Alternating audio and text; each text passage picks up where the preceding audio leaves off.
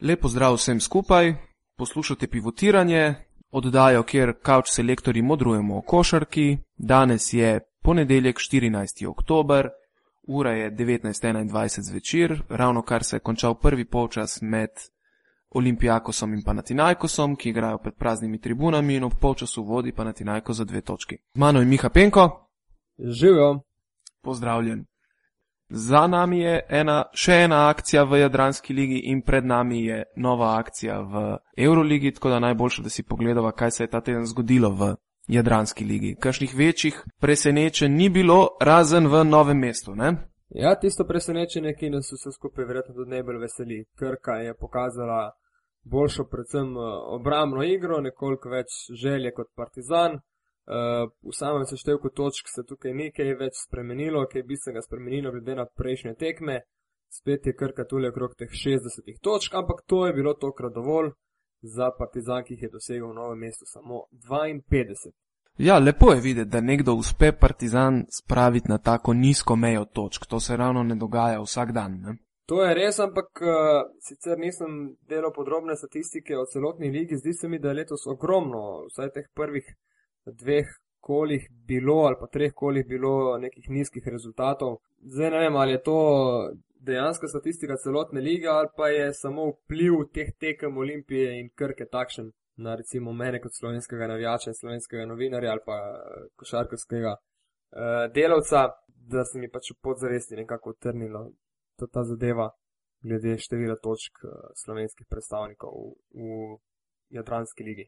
Ja, ok, Olimpija še ni uspela kaj prida preseči. Mislim, da na prvi tekmi v Skopju so dali 60 točk, na drugi tekmi, hm, da pogledam, zgolj 47 in na tretji tekmi 58. Ja. Uh, s tem, da so jih bistveno več prejemali. Zdaj, Krka je pa vsaj kljub temu, da skozi igra tekme okoli 60 točk in mislim, da ji bo tudi stalnica to v tej sezoni, še vedno ima nekako to pozitivno bilanco vozi skupaj. Se pravi, tudi na tekmi z Partizanom je nekako zgledal tako, samo stisnite vse skupaj močno v obrambi, v napadu bo že nekdo zadev tisti gol. Ne? Ja, tisti gol, se, to si ti že zapisal na Twitterju, ne, če se ne motim. Tako, tako. Ampak si povzemal uh, Argirisa Pedolakisa? Pedolakisa, ja. Pedolakis, ki je pri Panatinajkosu v lanskem letu sploh se mi zdi implementiral to igro v, sploh v drugi fazi Eurolige. Uh, res močno je stisnil celotno raketo in nekako, kot da sploh ne bi posvečal igri v napadu. Ma ja, vrži v nožogo napad, bomo že nekaj naredili, ko bo čas za to, vi samo gledajte, da ga ne dobite. Uh, košarkarska filozofija, pač različna od trenerja do trenerja. Med tistimi najbolj znanimi je bil v preteklosti na tako počasno igro in na predvsem obrambno naravnano uh, Božo Malkovič. Vemo, ne, da se je na Smo že nekaj slišali o njemu, ja? Ja, tudi zaradi njegove takratne načina igranja eh, skrajšal iz 30 na 24 sekund. Tudi zmago Sagadin je bil bolj kot ne privržen z dobre obramne igre. Na nek način, če ti napad ne steče, če v napadu nima svojega dne, lahko vse skupaj popraviš z neko zares dobro obrambo. In na večini tekem pač obramba zmaguje, ne na zadnje tudi najboljše ekipe, tudi Barcelona. V preteklih 3-4 sezonah v Euroligaškem tekmovanju prejema mislim, da celo manj kot 66 točk na tekmo. Se pravi, obramba je vsekakor prva stvar, ki jo tudi najboljši trenerji ali pa evropski trenerji opazijo in skušajo na nek način prenesti na košarkare. Za razliko od recimo od Reala, ki je, ki je pa bistveno bolj napadalno naravnan, ampak vemo tudi, kakšen talent ima Barcelona v napadu. Ja, mi je pa lik zanimivo to zdaj, ko si omenil Barcelono. Uh, ta njena obrambna igra, če pogledaš recimo zunanja linija Barcelone, ni sestavljena iz nekih izjemnih uh, defenzivcev. Ne? Igrajo pa se mi zdi ekipno obrambo neverjetno dobro, ker v enem momentu si ti imel branilsko linijo Viktor Sada v lanski sezoni recimo. Viktor Sada, Šarunas Jesikevičius in, in um, Juan Carlos Navarro. In, ne vem, jaz ko sem pogledal to po imenih, se mi zdelo, da ta trojka skupaj ne bi mogla enega stola odbraniti na, na parketu. Ne? Ta trojka posamezno ne bi mogla odbraniti tega stola na parketu, skupno. Ne? Skupno pa, pa delajo čudeževa, ki deluje. Ja, ja, v bistvu so to izjemni nekako timski obrambni igralci. Ne? Ja, vsekakor. No. Ampak da se ne preveč oddaljiva od uh, teme, prvotne teme, ne? Krka Partizan. Uh, eh, 13 točk, karem ste da 17 točk, da Muriča končno bom rekel jaz, ne, ker sem pač od njega pričakoval že na prvih tekmah, da, da bo dosegel malce več kot je. Uh, Ampak o neki sami skudi lepoti spet ne moramo govoriti, no, o sami tekmi, valorizacija skupna 101. Mislim, marsikatera ekipa v Euroligi doseže to sama. ja. Dobro, ampak kljub vsemu, mislim, zmagi ne bom gledal z obe. Rajše vidim skupno valorizacijo na tekmi 101, pa da krka zmaga, kot pa primer recimo iz tekme v širokem bregu, kjer je Olimpija nažalost še tretjič izgubila in upam, da se ne uresničujejo naše črne napovedi glede možne negativne serije Union Olimpije. Čeprav vedno bolj kaže na to, kjer je bila pa skupna valorizacija na tej tekmi 120, Olimpija je imela za 10 odstotkov boljšo valorizacijo kot široki, a izgubila tekmo v zadnji sekundi z košem domagoja Bošnjaka. Ne?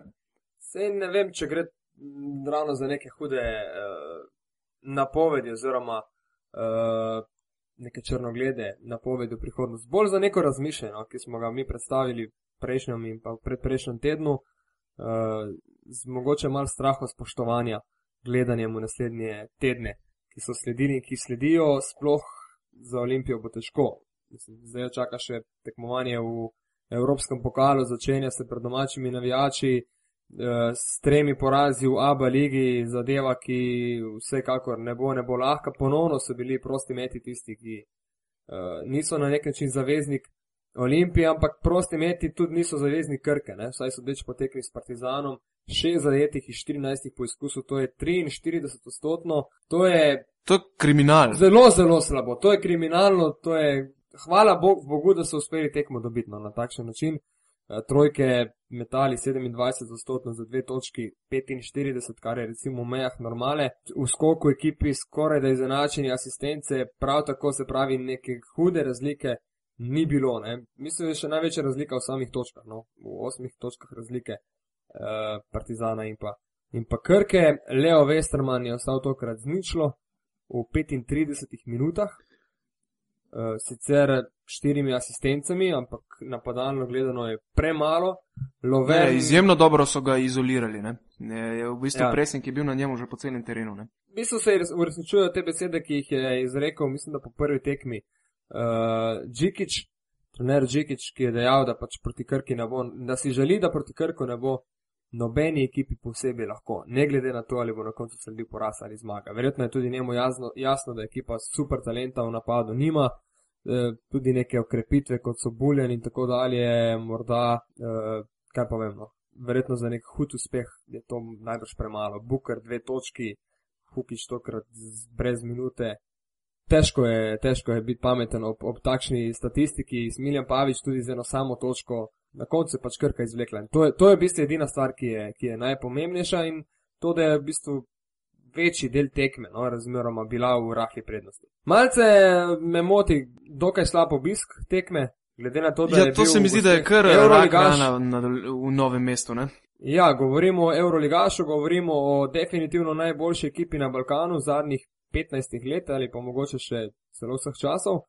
Uh, če se mogoče lahko mal predrzen. Ne, če odmislimo pa, jugoplastiko, pa, ki ne obstaja pa, ja, več. Pa, ne? Ja, tako, pa ne upoštevamo jugoplastike, ampak definitivno pa odkar obstaja Abba Liga, je Partizan pač numero uno. Uh, zdaj, da pride samo 1500 gledalcev, uradno, verjetno jih je bilo še celo nekoliko manj, potem je zadeva kar mal skrb vzbujajoča. Ja, to se mi zdi, da je še manj gledalcev, kot bi jih znalo biti na prihodnih tekmah Union Olimpije, ne? ki je v, v letošnji sezoni zaenkrat svoje navijače razočarala z igro in seveda nekateri se bolj ali manj upravičeno že kar resno pritožujejo na, na različnih socialnih omrežjih. Jaz sem recimo danes dobil celo dve sporočili od srpskih novinarjev, ki me sprašujejo, kaj se dogaja v Olimpiji in kdo bo prvi pakiral kufre iz tega kluba? Ma, mislim, da jim lahko brez težav odgovoriš, da Olimpija igra pač brez playmakerja. Če ima kdo čas, ne pač pride malce mimo stožice, ne na kakšen trening.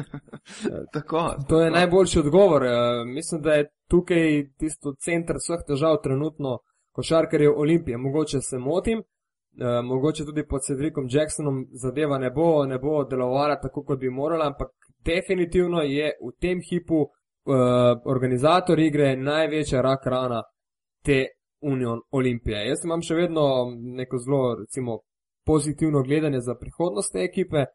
Uh, omenil sem že večkrat, da je tukaj osem novincev in vsi ti košarkari ne morejo biti povezani v eno, če ni pravega organizatorja igre. In zdaj je vsa pritisk padel na pleča Luke Rupnika, uh, z njim sem se prejšnji teden tudi pogovarjal in v bistvu sem skozi njegove besede začutil, oziroma na nek način skušal razumeti, da pač on tudi čuti to, da je vse na njemu. Uh, se zaveda tega, opozarjal je na to, da ja, moramo odigrati bolje v prvi vrsti, jaz sam, ampak zdaj mu to še ni uspelo. Zdaj je tukaj kakšna uh, psihološka barijera, psihološka blokada, ali pa enostavno fant še ni zrel za ta nivo, to pa bodo pač ocenili v prvi vrsti v klubu. Tokrat je recimo mali Marineli štukal 20 minut. Ne? Ja, zanimivost uh, Pavla Marinelija je ta, da je v pripravljalnih tekmah igral praktično 80-90 odstotkov tekem, kar jih je pač igral na, pripravla, na pripravah, uh, je to bila pozicija 2 in ne pozicija 1. Uh, eh, se pravi, so se tukaj mogoče vse skupaj malo šteli. No? Uh, Joksimovič kot smo dejali, da bo krpal enico, smo videli, da ga potem enostavno Olimpija izgubi v tisti najboljši njegovi izvedbi, izgubi ga v hitrih protinapadih, v neki tranziciji, ker je potem pomeni toliko in toliko, in toliko uh, protinapadov manj. Uh, na tej tekmi sicer ni forciral trojke, dva meta, dvakrat mimo, na prejšnji, na, v drugem kolu doma proti Ciboni, pa mislim, da je imel 1-6 oziroma 1-7 trojke. Uh, totalno se pravi, nerazigrani in, in ne počuti se dobro, kot kaže v takšnem položaju. 14 točk je sicer dosegel Sasu Salin, ki je igral, mislim, da tudi s povišeno temperaturo, vsaj nekaj dni pred treningom. Je to bila težava. Ja, dva dni prej je imel še 40 temperature.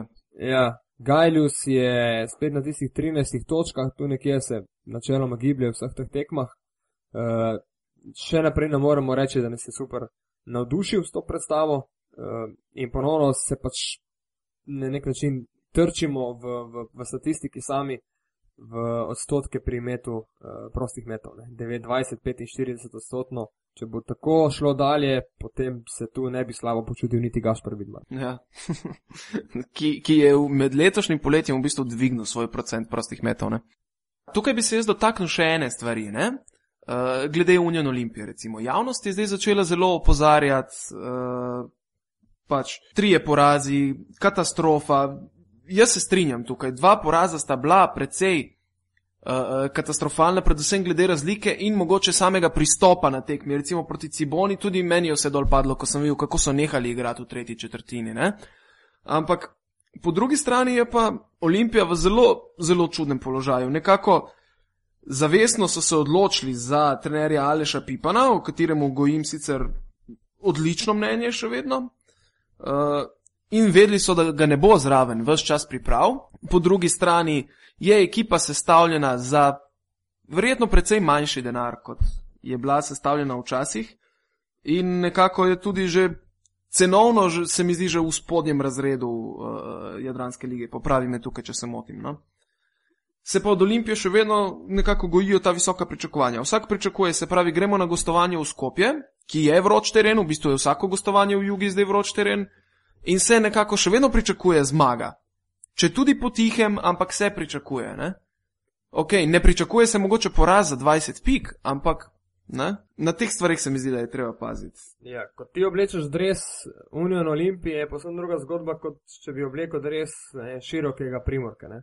Ali pa IGOK, ali pa radniška, kogarkoli drugega. Ti imaš tukaj par klubov, Olimpija, uh, Cibona, ne na zadnje, Partizan, Crvena zvezda, to so klubi, ki so pač v preteklosti veliko pomenili navijačem okolju, v katerem so recimo delovali v preteklosti. Verjetno celo bistveno več kot pomenijo ta hip neki generaciji, s katero mi živimo gor. Vsaj to lahko trdimo za, za Olimpijo, tukaj pri nas, pa mislim, da tudi za, za druge klube, no, vsaj v večini primerov. Mogoče je samo Partizan obdržal neko tisto jedro, ampak to je vse zasluga, mislim, da sedmih naslovov ne, v, v, v ABA ligi, pa plus tega tudi zelo dobre predstave v, v evropskem tekmovanju. Ko prideš v Olimpijo, to je, pa mogoče zdaj bo zelo uh, smešno ta primerjava, ampak marsikateri nogometaš je rekel, da prva stvar, ker, ko je prišel v Real Madrid, je bila, da so ga naučili številko deset. Ne?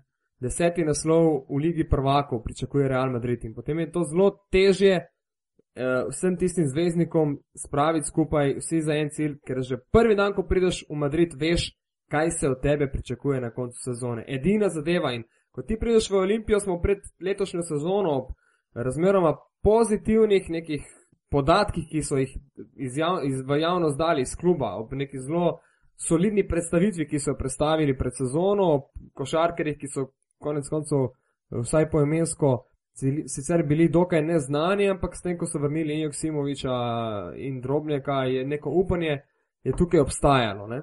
da bo zgodba funkcionirala. In potem po treh porazih so logično vsi šokirani, sicer z veliko smole, predvsem na zadnji, tretji tekmi. Ampak zdaj smo prišli do tistega, uh, uh, do tistega dneva, ko se pogovarjamo ravno o tem, ali bo Olimpija uspela splavati iz te krize v dveh tednih, ker veliko več časa pa tudi nima. Ne? Ta teden je že čaka obračun v Evropskem pokalu, v sredo začer ob 20.30 proti italijanskemu Varezeju, ki sicer ni super, dober, super dobra ekipa. Pred dvema tednoma bi se sam šel upal trditi, da če Olimpija ne bo italijano premagala doma, da več ne gre na tekmo Olimpije.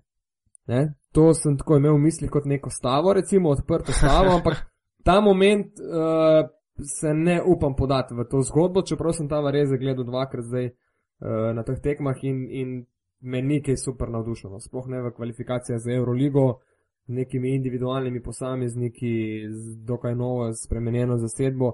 Sploh pa vemo, da Vareze v zadnjih sezonah v Evropi uh, izven meja Italije ne more narediti nič. Ampak hkrati ne pa že v nedeljo čaka Olimpijo domačo obračun s Crveno zvezdo. Ob 17. uri. Uh, Uja. In Crveno zvezdo smo pa videli zdaj na generalki pred Euroligo, kako je dobesedno zmlela radnički. Tako, Crvena zvezda, ki je v prvem kolu izgubila za točko proti širokemu, ne, kar nam da tudi vedeti, da poraz Olimpije ni zdaj uh, neko super presenečenje ali karkoli. Uh, ampak ta crvena zvezda je potem uspela premagati in, in Igokejo, in zdaj na zadnje še na domačem parketu Radnički in to z visoko prednostjo 35 točk. Ker pomeni, da vseeno prihaja v Ljubljano z dvema zmagama iz, iz te lige in, in ostaja kljub slabšemu začetku, kljub porazu na prvi tekmi, ostaja še vedno verjetno prvi favorit za to ligo. Ne? Olimpija pa potem, ko smo pričakovali, recimo, da se bo borila za vem, peto, šesto, mogoče celo četrto mesto za Final Four, v tako neugodnem položaju, da ga v bistvu ne uspe rešiti noben. V bistvu je tako neugodnem položaju, da tudi iz Ljubljanskega tabora eh, direktno strani direktorja letijo preko Twitterja čestitke Krki, ki je premagala Partizan, ker sicer ni nič narobe. Ne. Ne, ne, to je super, ne rečem nič, ampak uh, Ja, upam samo, da bo zdaj uh, nekako vodstvo Olimpije ohranilo dovolj trezno glavo v vsej tej situaciji in da bodo v tem kriznem menedžmentu imeli še vedno dovolj potrpljenja. Sezon, sezona se na tej točki še vedno ni prelomila. Ok, trije porazi so sicer znak za alarm, uh, da bo verjetno potrebno znižati lestvico, ampak vse to, ampak še vedno jaz gledam, ne vem, kaj bi pridobili, če bi zdaj menjali trenerja kogarkoli zdaj novega prineseš, začneš vse od začetka. E, Olimpija ponovadi zmeraj itak prisega na slovenske trenerje, se pravi, imamo tukaj uh, free agente m, Saša Filipovskega, ki dvomim, da bi se želel vrniti Jureta Zdovca in Toma Mahoriča ali pa Zorana Martiča. Uh, kar pomeni tudi, da bi morali verjetno spet posegati v igralski kader, ker bi vsak trener si želel še kakšno menjavo in vprašanje je, kaj bi se potem zgodilo s to famozno olimpijino finančno konstrukcijo, ki naj bi letos končno bila pod kapo za celo sezono. Ne? Ja, ampak če se bo prihodnji teden ali pa če se bo Gal pridružil pogovarjali o petih porazih v začetku sezone, se pravi štirimi v Abu Leiji in enemu v Evropskem pokalu, eh, ne bo to nič pozitivna zgodba in tudi ta krizni menedžment bo verjetno enkrat imel tega časa dovolj uh, negativnega in obdanega z večnimi porazi. Ne? Potem tudi, če kakšen nadimek, večni luzeri bo prišel prav in potem te že čaka obračun v, v, v, mislim, proti Asvelu v Franciji, kjer sigurno ne bo enostavno v Evropskem pokalu in čakate gostovanje v Radnički. No. Zdaj pa bodi pameten in se rešuj na takšnih tekmah, uh, kot težko pričakuješ res isto.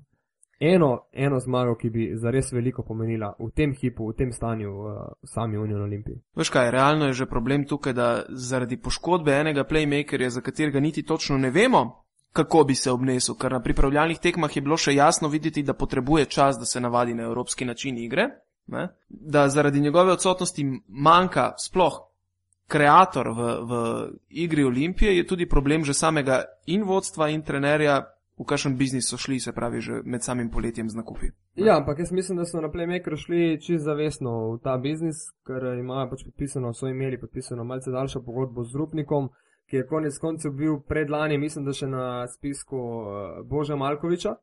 Se pravi, niso zdaj pri Olimpiji uh, neki super, ne vem, čudni strokovnjaki ali pa zmedeni, da so pač njega uvrstili, ampak je zgodba, ki je konec koncev v svojem letniku bil najboljši označen za najbolj perspektivnega in najboljšega organizatorja igre. Uh, če si lani Ja, mu ponudil edinega. edinega, ja, če si mu lani ponudil drugo, tretje mesto playmakerja, je potem na nek način logično, da mu prihodnjo sezono nudiš tisto drugo pozicijo, ob tem, ko pripelješ nekoga drugega. In ne pripelješ še enega en dodatnega playmakerja in potem je spet trupnik na tretji poziciji, ker potem boljše, da se ga odkrižaš oziroma ga posodiš v, v neko sredino, ker bi bilo verjetno najboljše za lansko sezono.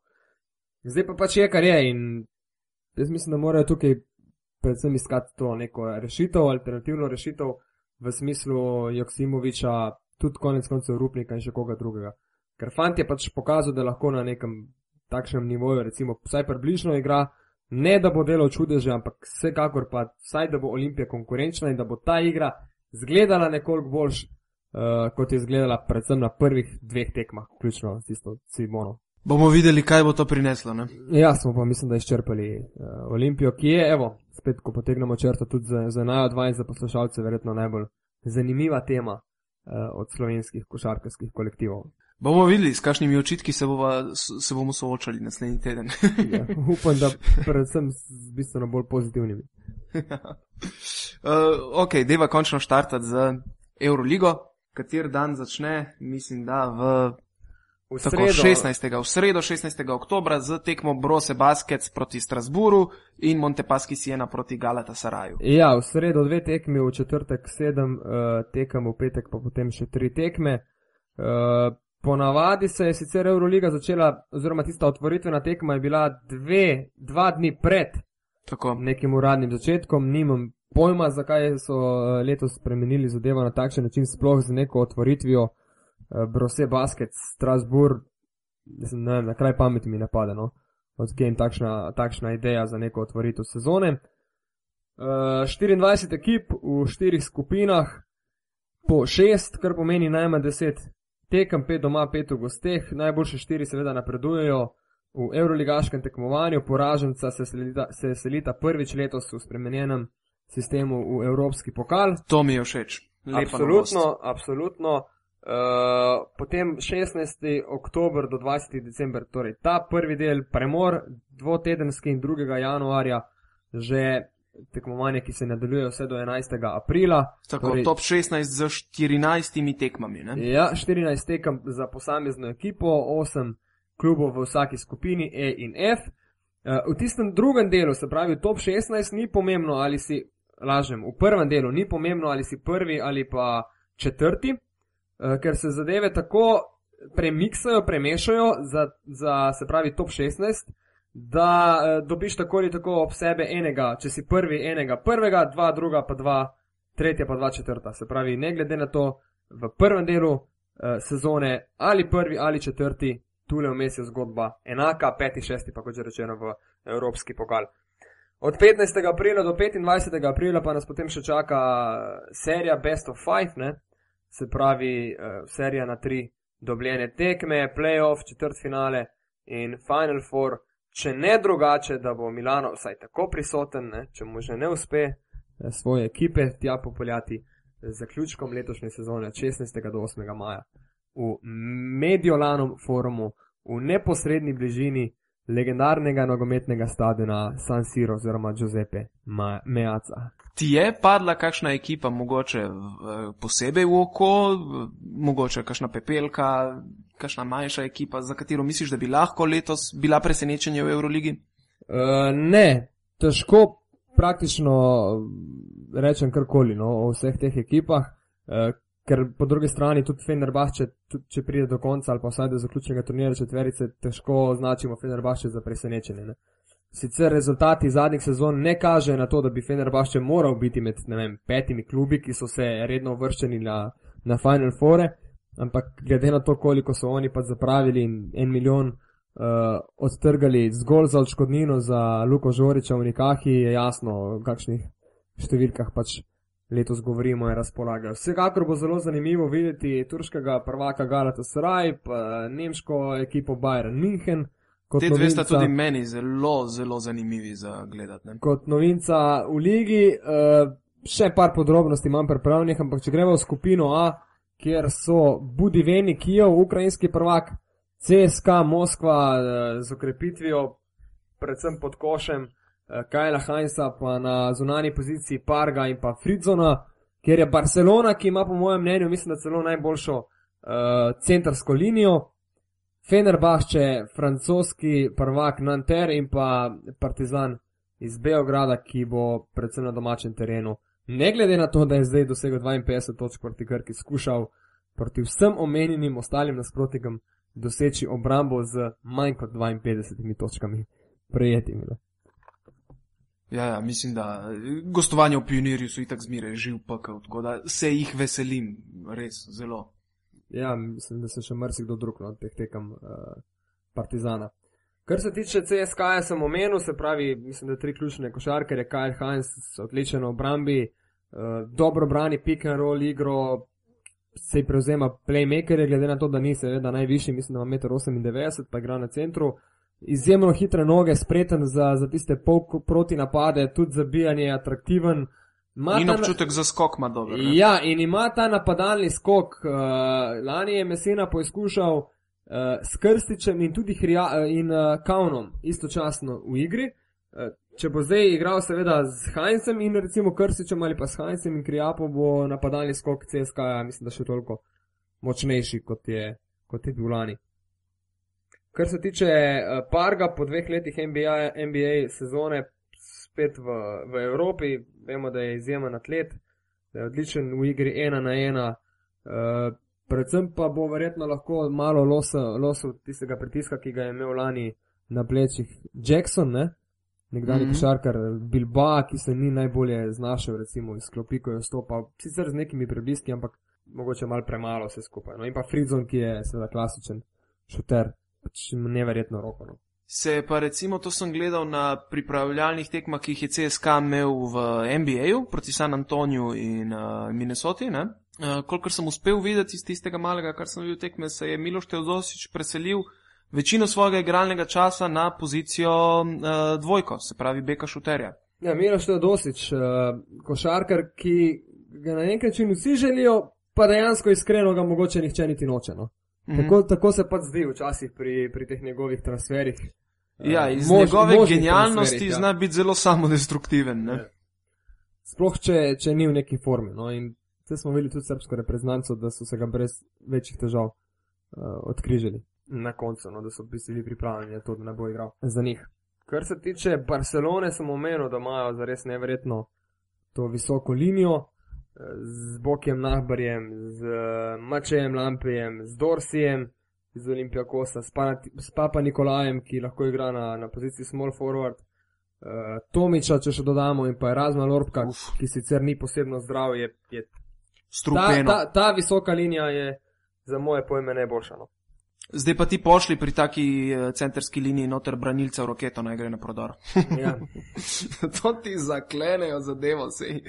Pol niti ne rabiš med zunanje linije, ki bi neki branila. Sicer uh, imajo zdaj, uh, mislim, da poškodovanega Breda Olsna, ki bo izpustil še približno 3, 4, 5 tednov, če se ne motim. Ampak se pričakuje, da bo španec Abrines napravil še korak naprej, želanje je nekajkrat dosegel, mislim, da tudi čez 20 točk. Um, Marcelino Huerta se je itek znan po pick and roll igri, Navara ni potrebno posebej omeniti. No, čeprav Navaro trenutno zgleda, kot da se je splaže vrnil. Ja, ampak Navaro je tudi še rahlo poškodovan, no, bil vsaj v teh pripravljalnih tekmah, ja. tako da ni recimo 100 odstoten. Uh, Viktor Sada pa, jasno, malce limitiran v napadu, zato pa toliko boljši v, v obrambi in pa se drži to svojo, recimo, drugo pozicijo tega organizatorja igre. Mislim, da se kaj posebej ne sekira, za kaj drugega igra za Barcelono in, in to je verjetno smisel tudi vsakega katalonca v končni fazi. Itak. Ima, se pravi, še. Fenerbahče. Uf, ja. Uh, veliko vprašanje. ja, veliko vprašanje ob tem Fenerbahčeju. Uh, malce sem se na samku že sam lani in pa predlani že s Pjani Džanijem sem pričakoval, da bodo vseeno naredili boljši rezultat, ampak se je potem pokazalo, da so nekateri košarkari uh, enostavno se na njegov sistem niso uspeli privaditi. Uh, Fener Bahče je iskal zamenjavo na poziciji organizatorja igre. In je ni dobil, ne? In, ja, ni dobil, Buma Keleb torej ostaja, prvi playmaker, ampak podpisali so Nemanju Bjelico, uh, Lina Saklejzo, ostaje tudi Luko Žoriča. Gašpar Vidmar, Luko Žoriča, kot sem omenil, milijonček odtrgali za Unikaho, uh, Bogdanovič Prežič, to vse ostaja, ostaja v, v klubu, torej sigurna ekipa, ki, ki ima potencial, ki ima napadalni talent, zdaj je samo vprašanje, ali bodo sprejeli oziroma kako dolgem ali pa kratkem času bodo uspeli sprejeti nek sistem želka. Obradoviča bi pa dodal še uh, Sipahija, ki ga sicer na uradnem zapisniku, mislim, da pri Euroligi še ni. Uh, ne vem zdaj, ali, ali ga sploh ne bo zraven, ali bo pač samo v, v domačem prvenstvu. Ja, v super pokalu je igral, recimo. Je, v predsedniškem pokalu, ja, ki ga, ki ga je Fenerbahče dobil prejšnji teden je igral, ampak ne vem, Sipah je sicer igral tudi na FIBA Europe v 18, uh, All-Star tekmi tukaj v Stožicah, vsekakor gre za enega zelo, zelo betavnega, verjetno celo najboljšega playmakera trenutno v, v svojem letniku. Uh, še par takih mladih košarkarjev, tudi uh, Metečen Birsen je recimo letnik 95. Torej neka zmes obstaja, no, neko ravnoteže med mladimi in pa, in pa starejšimi košarkarji. Francos Nanter uh, bo verjetno ostal vprašanje vse do, do začetnih prvih dveh, treh tekem, kaj pač lahko uh, francozi naredijo, ne, kot tudi novinci v ligi, dokaj nepoznani. Ja, že na zanimiv način lani zmagali eh, državno prvenstvo, kot osmi v, po rednem delu so se uvrstili in potem v play-offu izločili vse do konca. Ne?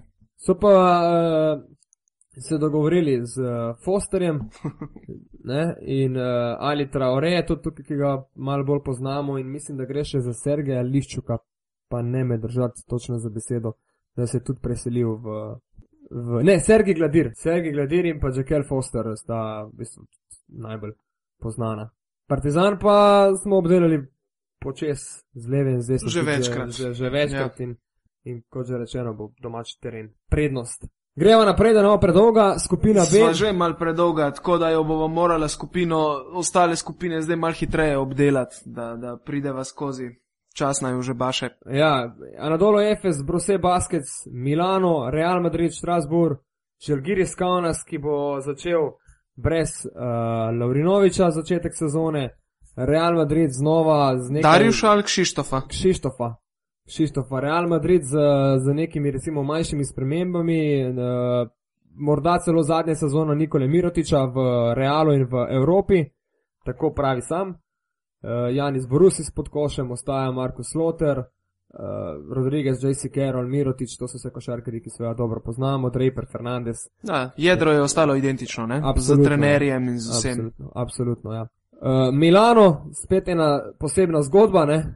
Luka Banki je sedel na klop, ne, prišel iz uh, Siene. Jaz mislim, da to je zelo tvegana poteza, ker v Sieni uh, načeloma vsem tem trenerjem ni bilo, ni bilo slabo. No. Imeli so vedno neko zgledno ekipo, 5, 6, 7 igralcev, ki je, ki je dobivalo domače prvenstvo, če ne državni naslov, vsaj pokalni naslov. Ko pa prideš v Milano, pa spet prideš v, v mesto, ki je bilo nekoč uh, tisto zelo pomembno mesto v, v sami Evropi. In spet bo, poizkušali so uh, z Serhijem Skarjonom, niso uspeli ne, v zadnjih letih, oziroma plani, in, in je zdaj zgodba postavljena na pleča Luke Banke. David Moss uh, je prišel prav tako z njim, nekaj italijanskih reprezentantov, uh, Gentile, Gili, Nicolo Meli, uh, tako da. Tudi Kristjan Kangur iz Siene je prišel. Tako. Ja. CJ Wallace iz Barcelone, Kit Lankford, košarka, ki je tu igral že lani. Je bil že lani nosilec in nekako, če se spomnim na sistem Luke Bankija, ki ga je imel z Bobijem Brownom, pričakujem, da bo nekako tudi to vlogo in se pravi igro napadalno tkal okoli Kita Langforta. Tako da mislim, da bo to igralec, ki bo res ogromno imel žogo v svojih rokah. No. Bruse Baskets, največja okrepitev, verjetno Novica Veličkovič ki pa je potem prišel dokaj nepripravljen. V fitnessu. ja, nepripravljen na, na priprave in so potem že začeli skakati neke zamenjave, izgubili so Boke Nagbara, ker bo uh, v končni fazi verjetno zelo pomembno. Zack Wright na organizatorju igre.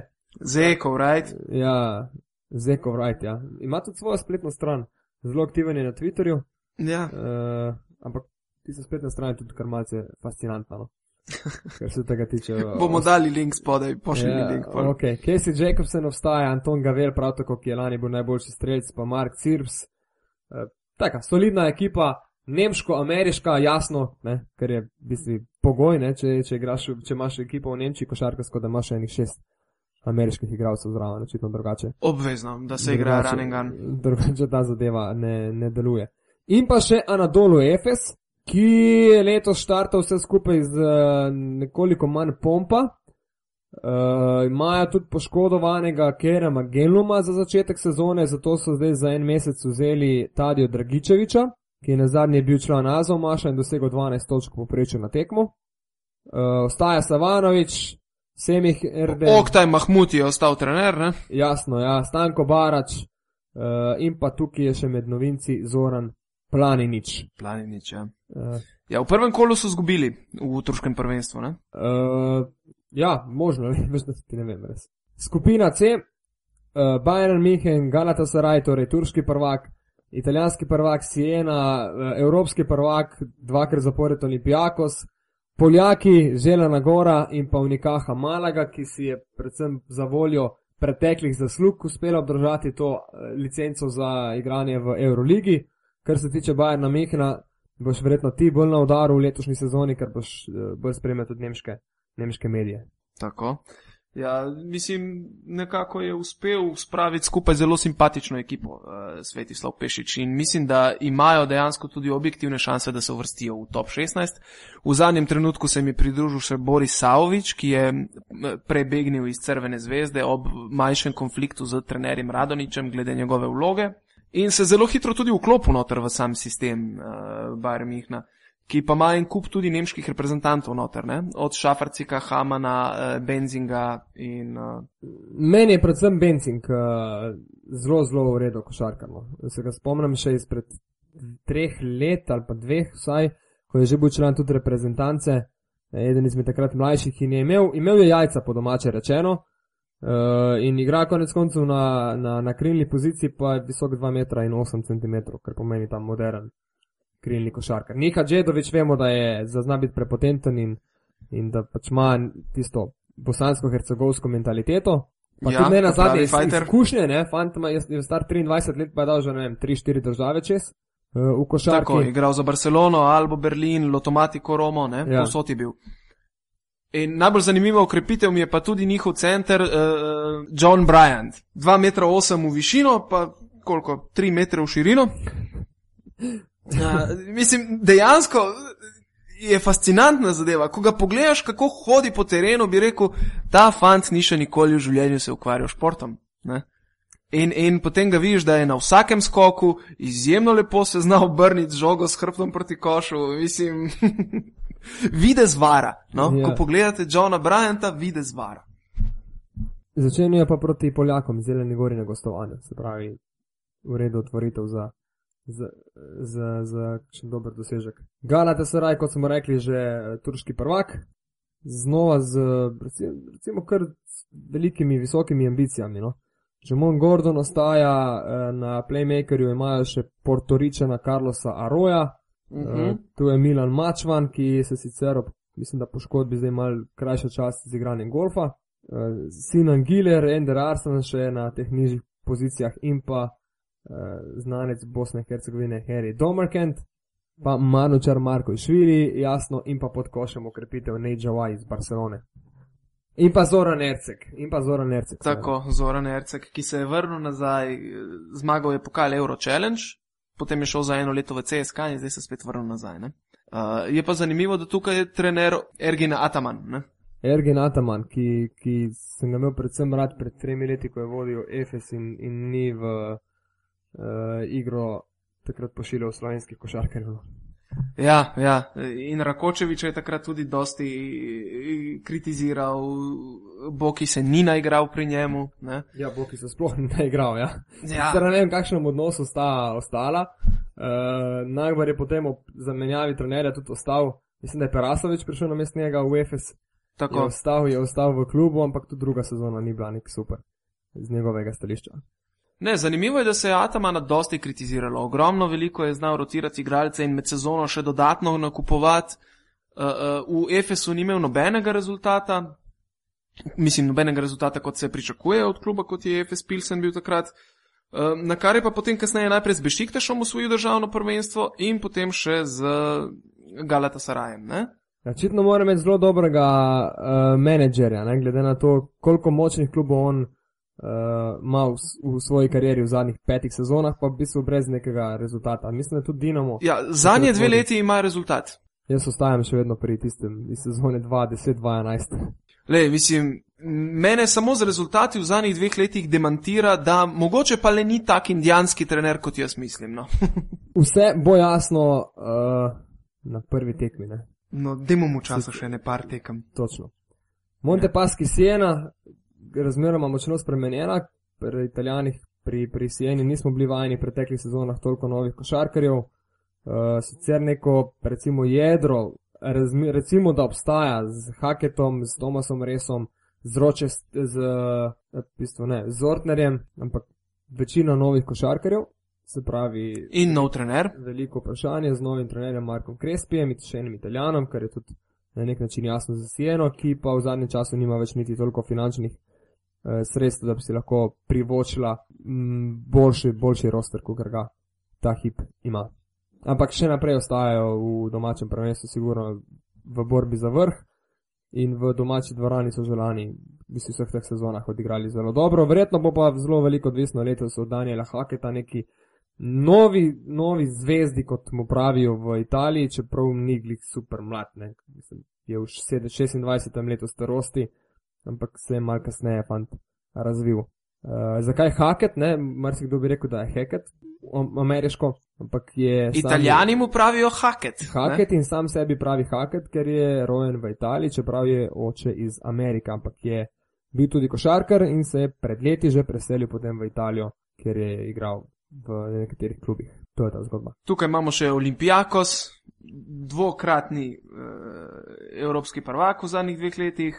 Leh sem poslušal en intervju z Mavroidisem, uh, z Manzarisem, pardon, uh, v, v magazinu Eurolige, namreč Evangelos Manzaris. Uh, in je rekel, da zadnji dve sezoni so bili underdog, ne, totalen, in da si mm -hmm. želijo te vloge tudi letos, kar je očitno na koncu prineslo uspeh in rezultat. In jaz dejansko mislim, da imajo še vedno vlogo underdoga, da kar nihče ne želi verjeti, da bojo pa nekaj naredili. Čeprav je jedro ekipe ostalo popolnoma isto, ne? Zamenjali so sicer ene par igralcev, odšel je recimo Papa Nikolau v, v Barcelono, zgubili so Heinza, ki je odšel v CSK.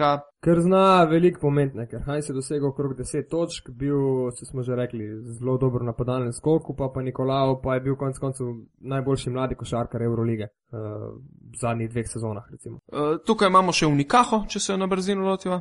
Unikaho, ja, in pa Zeleno Goro, torej Poljake, so igrali tudi z Olimpijo pri pripravljalnih tekmah, imajo uh, tega košarkarja iz Konga, Engo, pa Kušareka, uh, Zamojskega, Košarek, to so ti pol, polski košarkari, ki so zdaj se preselili v tega polskega uh, prvaka, začenjajo tudi torej proti Bayernu Minhnu, pol igrajo še z Unikaho, tudi oni z solidnim, recimo, štartom v sezono, vsaj eno zmago lahko dosežejo, preden naletijo na Sieno, Galatasaray in pa Olimpijakos v seriji.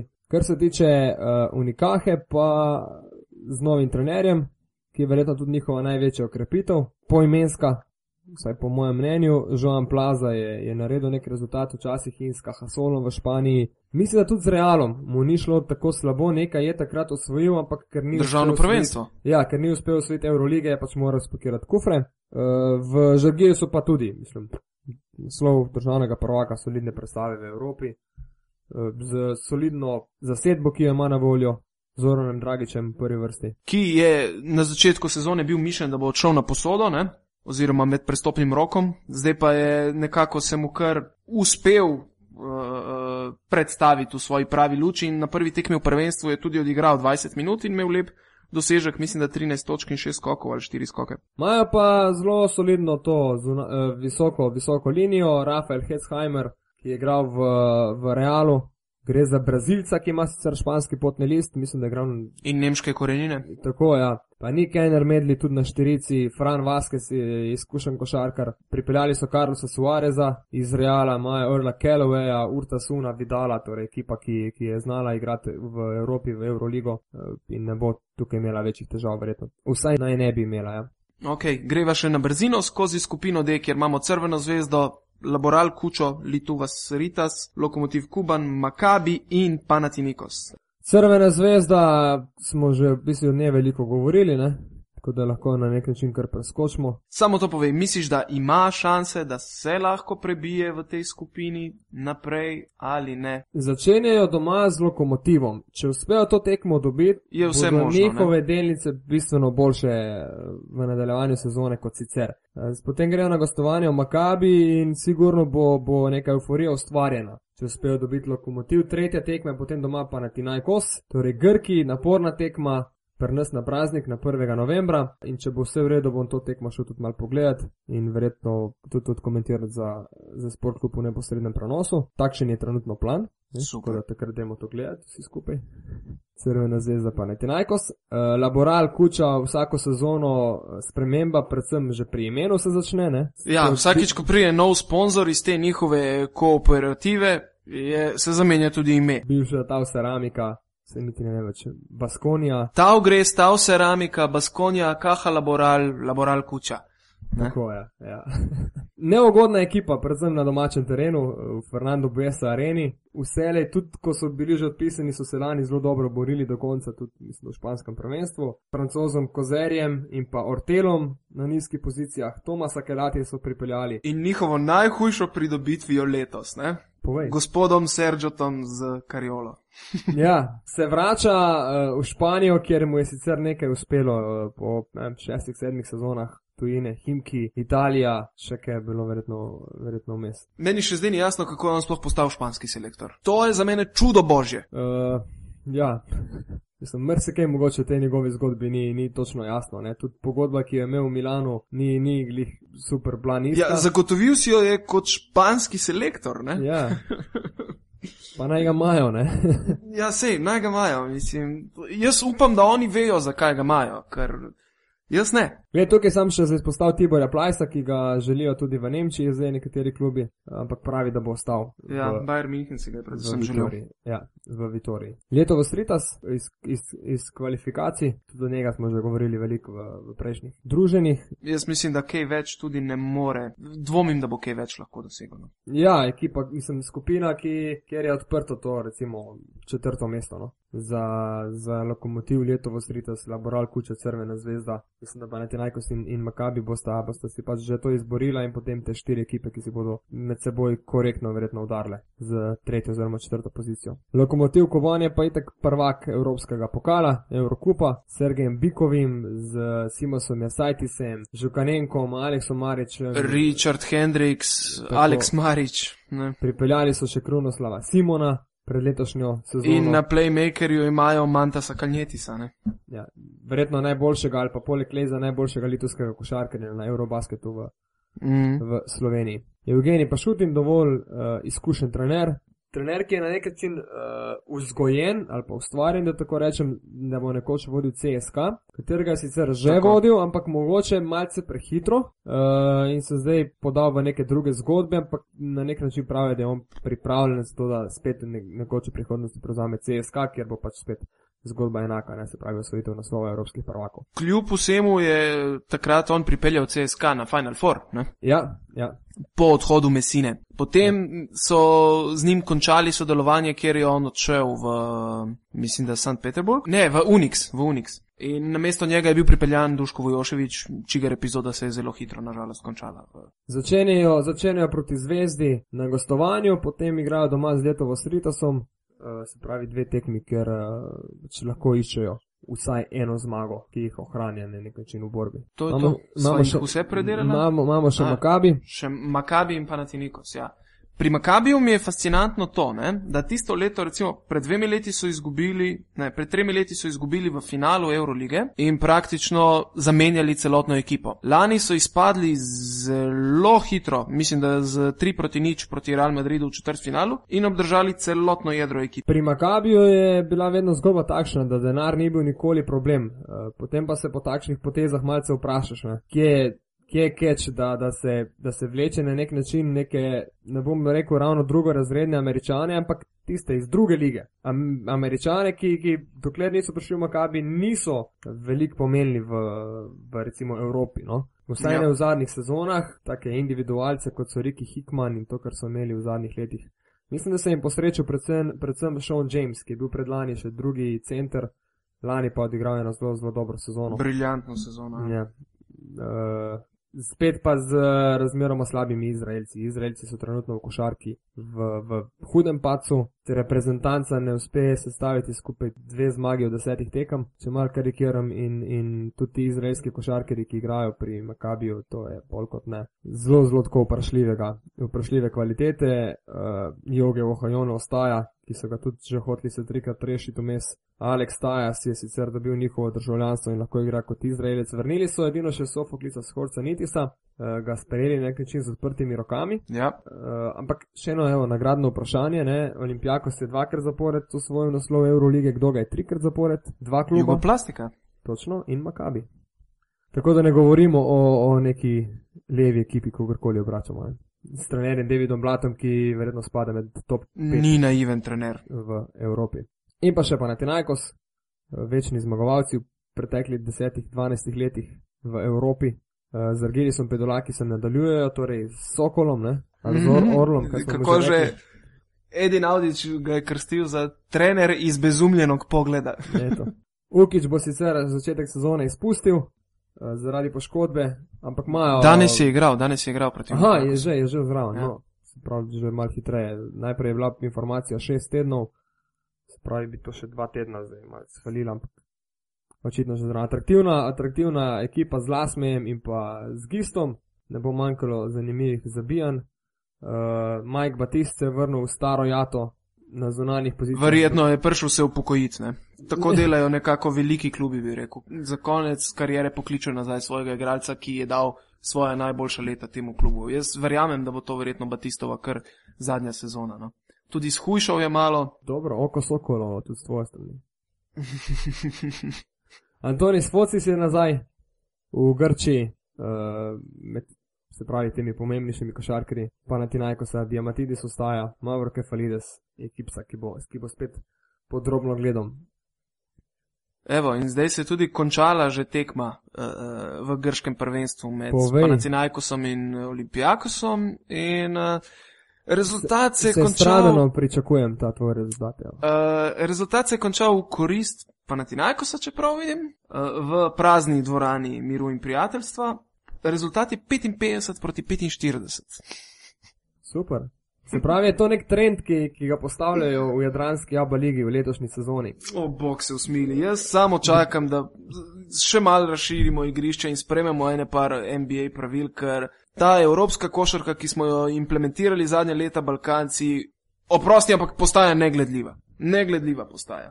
Panathinaikos je zmogel 18 točk v drugem polčasu, 9 na četrtino. Olimpijakos 55, Panathinaikos 45, 16, 13, 15, 11, rdeči po četrtinah in 13, 14, 9, 9, zeleno-beli. Bog se nas usmili, mislim, pa kaj bomo kmalo komentirali. Jaz čakam. E, enkrat moramo narediti debato o razlikah v pravilih, recimo med NBA-jem in pa nisem fan NBA-ja, daleč od tega, ampak mislim, da nekatere zadeve v pravilih bi bilo potrebno implementirati v evropsko košarko, ker, ne vem, se mi zdi, da zaostajamo spet. Ja, ampak hkrati raje gledam tekmo uh, 45-55, kot pa 123-112. To se strinjam. Ne bi imel nič proti, če se tekma konča 85-80. To pa res, ampak toliko neodgovornosti, kot je pa na rezultatih od 120 gor v sami igri, to je pa čist preveč. No. Ja, ja. No dobro, tam je tudi druga stvar, ne? tekma se igra vsak drugi dan, v playoffu se potem začne, bi rekel, tudi defense spet postaviti na noge. Ne? Bomo videli, kaj bo v naslednjih tednih. Ne? Če se bo to spremenilo, če se bo ta trend malo, malo obrnil v kakšno drugo smer, ker to trenutno, kar zdaj spremljamo, je res za tiste z dobrimi živci in za, za košarkarske fanatike in čist ne drugega. Mm. Skupaj so prišli do stotke, no, glih za gajbo. Lahko si skupaj eno čast. Vrhunsko. Ok, razdužila sva ga spet na polno. Ja, Okay. Tako da se slišimo naslednji teden, ko bo odigrano prvo kolo Eurolige in, in upam, da prekinjena negativna serija Uno in Olimpije. točno, ko bo tudi Olimpija imela vsaj eno zmago. Tako, zmenjeno. Tudelu. Adios.